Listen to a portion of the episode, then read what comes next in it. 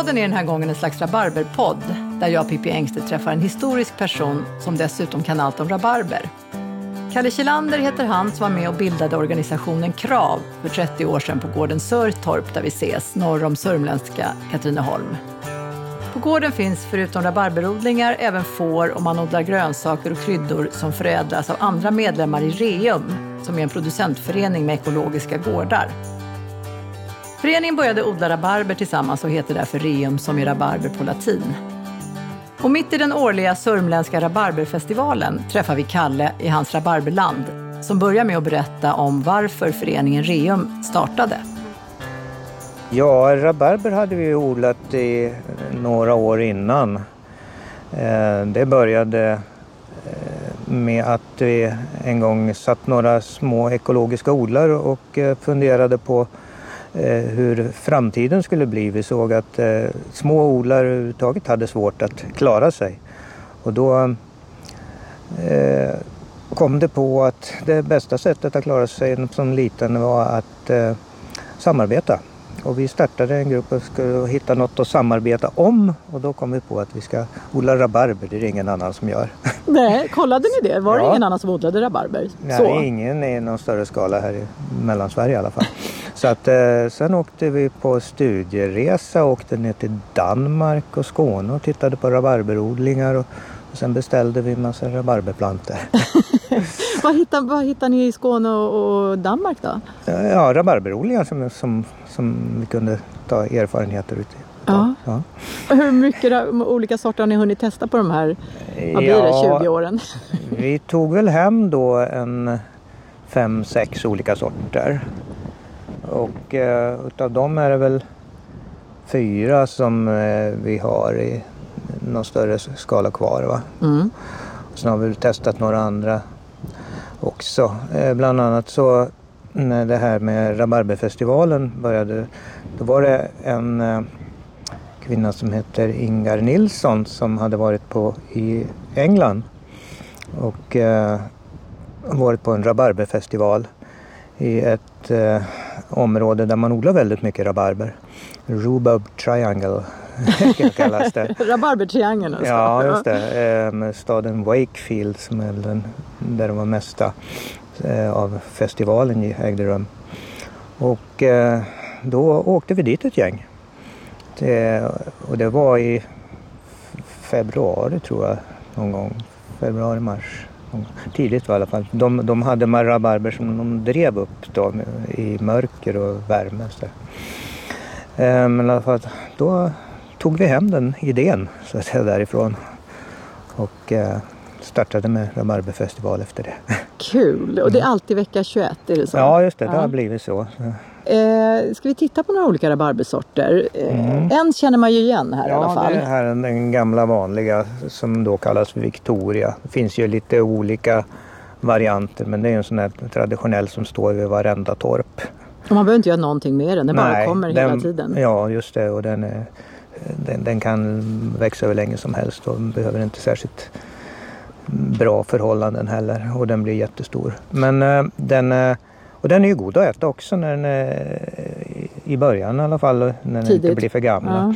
Men eh, den är, vi odlar den för att göra saft. Vi, skick, vi skickar iväg det till en safttillverkare. Och den har ju inte så mycket färg. De här skälkarna är röda men bara i skalet och sen är de ju bleka in, eller färglösa inuti. Så att eh, det kan bli goda produkter men inte så eh, fin färg på dem. Eh, så att eh, de som gör saft på dem tar ofta så att eh, man eh, tar en del av de här röda förädlade rabarberna då och sätter till för att få färg. Vad är det som utmärker den här Victoria då? Ja, det, det, ja, att, att den är Ja, smak den är Ja, det är kraftig smak på den, det är det. Mm. Det som utmärker den är att den, är, den växer kraftigt och ger stor eh, skörd. Mm. Så vi har det här stycket, sen har vi ett fält som uppe i, i skogen här som är nästan lika stort som hela det här som är bara rabarber av, av den sorten. Mm. Och den bara kommer, den behöver ni inte göra någonting åt? Det bara... Ja, man får ju gödsla den och, ja. och rensa lite mellan raderna och sådär också. Det, det får man göra. Men, men annars är den inte så Men här bredvid de här Ja. stora så har det kommit något lite mindre. De här fyra sorterna som ni fastnar för sen? Ja, just eller? det. Det. Det är sådana som är förädlade för att eh, framförallt för att ge mera färg. Och eh, dessutom en stabil färg. För det är så att eh, det, det blir ju lite färg även om eh, Victoria, om man gör det saft till exempel, så, så, så ger ju den här röda färgen i skalet eh, gör ju ifrån sig lite färg. Men de, de bleknar väldigt snabbt. Eh, så att det, det går liksom inte att göra en kommersiell produkt så, så, för den håller inte färgen. Men de här har alltså förädlats så att eh, man får en färg som är beständig. För man vill ha den där färgen, Ja, just det. rosa, Ja, röda. Ja, mm. ja. Och vad är det för sort som vi har här? Alltså, Ja, den här är en eh, sort som heter Rosenhagen, en norsk sort. Eh, som jag har ganska mycket av. Den eh, är eh, lättodlad, inte särskilt krävande. Eh, är, eh, eh, vad ska man säga, den, den eh, är passar bra till att eh, om man ska koka kräm eller göra paj eller sånt. Den, den är väldigt eh, mjuk och mjäll i konsistensen. Så att när man kokar den så faller den sönder. Och håller sin röda färg också. Ja, eh, just på våren så här nu så har den inte så mycket färg. Utan den, den får mera färg längre fram på säsongen. Men den här kan man alltså fortsätta att skörda gång på gång. Eh, Så att det, vi skördar ju av hela de här minst, åtminstone fyra gånger under säsongen. Alltså. Och eh, det bara kommer ny hela tiden. Så att fram till mitten av september i alla fall kan vi leverera Mm. rabarber. Härligt. Ska vi titta på nästa sort då Mm. också? De där ser ganska små ut än så länge. Ja. Blir de större? Det, ja, det Ja, blir de, de här blir ja, större. de blir mycket större. Eh, Men eh, de, de är inte riktigt färdiga än. Några plantor där är ju större men de har jag ju plockat av nu. Va? Ja, ja, till festivalen. Ja just det, så att det skörd. Eh, här har vi en sort som du kan se Den skillnaden ser rätt. mörk, Den nästan är mörkare violett. röd, ja just det. Den heter Marshall Early Red. Eh, Den, jag tycker den är väldigt trevlig att odla och den, den ger liksom stora kraftiga skälkar. Så den, är, den är lätt att eh, plocka. Va? Det är skillnad i smak. Ja, eh, i många, vi har haft sådana här smakprover då folk får testa olika. Och eh, faktiskt så är den här den som eh, oftast har vunnit så att säga, i smaktesterna. Varför det tror du? Bra. Jag vet inte. Du skulle inte säga Jag- att den är den Nej, jag, godaste? tror- jag har svårt att känna skillnaden. men men det, det, den, de som kan det här tycker att den är, är god. Ja. Och sen Ehm. har du en fjärde sort också. Mm, den har jag här borta. Du ser de här Rosenhagen, de får väldigt många skälkar. Ah, Och eh, det är ju bra. det är ju bra men de blir inte lika stora då. Nej. Det är bara vissa skälkar som är stora. Eh, jo, vi har Spangsbjerg. Det är en sort som har mycket röd färg. Den ser knallröd ut ja. Ja, rakt igenom ja, Ser Den röd. röd saft. Ah, ja. För det har inte Victoria, den har vit Nej, saft. den alltså. är helt ja. vit. Och eh, Eh, Rosenhage har väl lite rosa då medan den här eh, är, röd. Och den är, är god, fin smak på den också. Så den här är väl en eh, allround sort som går att använda till mycket. Den, den, den går till eh, sylt och, och marmelad och sånt där också. För ni, ni har ingen vanlig gårdsbutik sådär när ni Nej, skickar iväg. nej, Va, va, va, precis. Går all rabarber åt? Ja. Räcker det? det skulle ni behöva Nej, jag odla mer? kunna, jag skulle kunna sälja mer ja. Ja. Vart, det- vart skickar ni iväg? Ja, saften går till eh, Tillmans eh, uppe i Dalarna.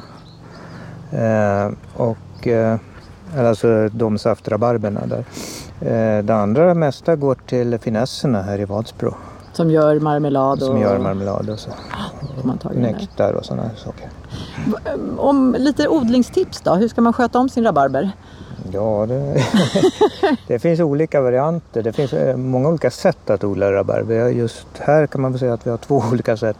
Dels det här med, som jag har kört med i flera år, ha, ha duk. För att eh, dels så håller undan eh, de flesta ogräs.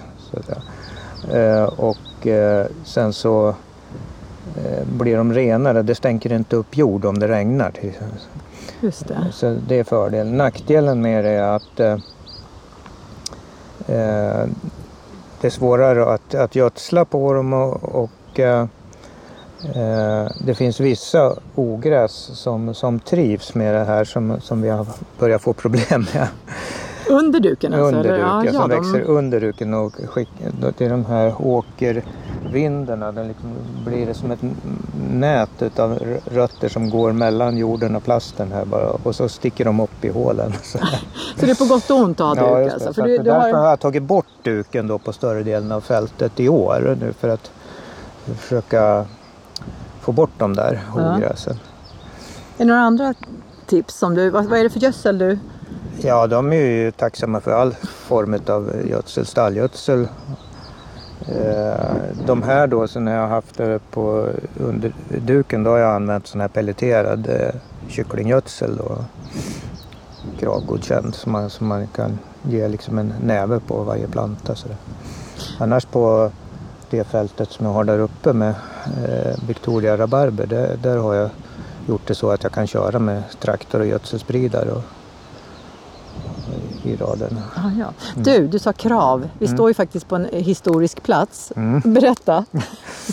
Ja, det var faktiskt så att vi Krav startades här eh, 1985. Vi var en liten grupp som fick i en arbetsgrupp som fick uppdrag av den nybildade föreningen Alternativodlarnas riksförbund som det hette då. Det är det som idag heter Ekologiska lantbrukarna.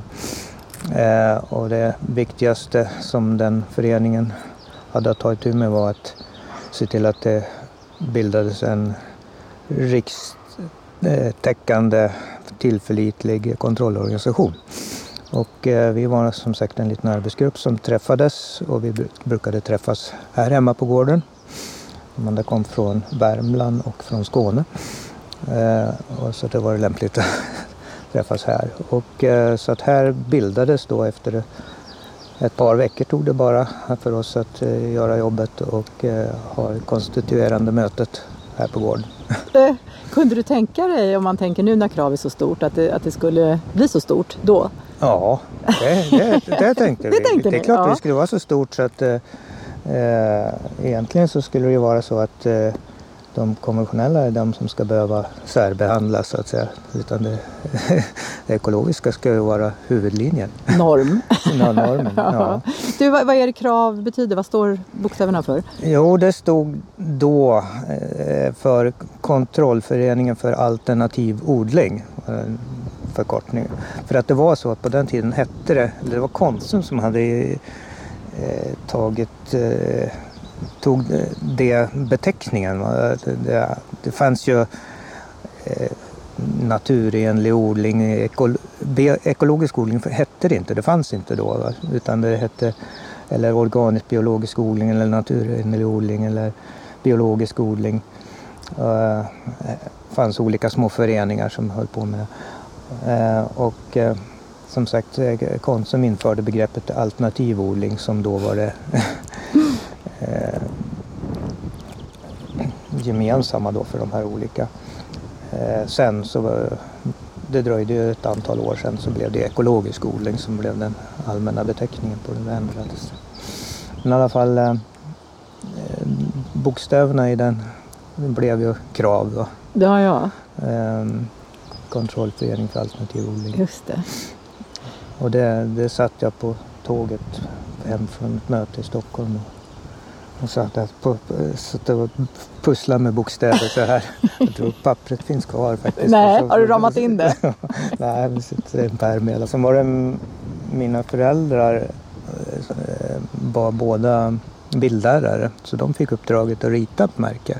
Det är samma som finns kvar nu, ja? eller? Ja, det gjordes om för ett, ett antal år sedan. eh, Så att, eh, det, det är inte riktigt eh, sa, samma lay, layout på det. det.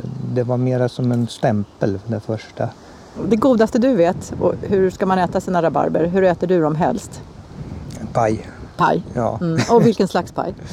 Smulpaj. Smulpaj? Ja. En, och till glass eller? Eh, ja, eller vaniljsås.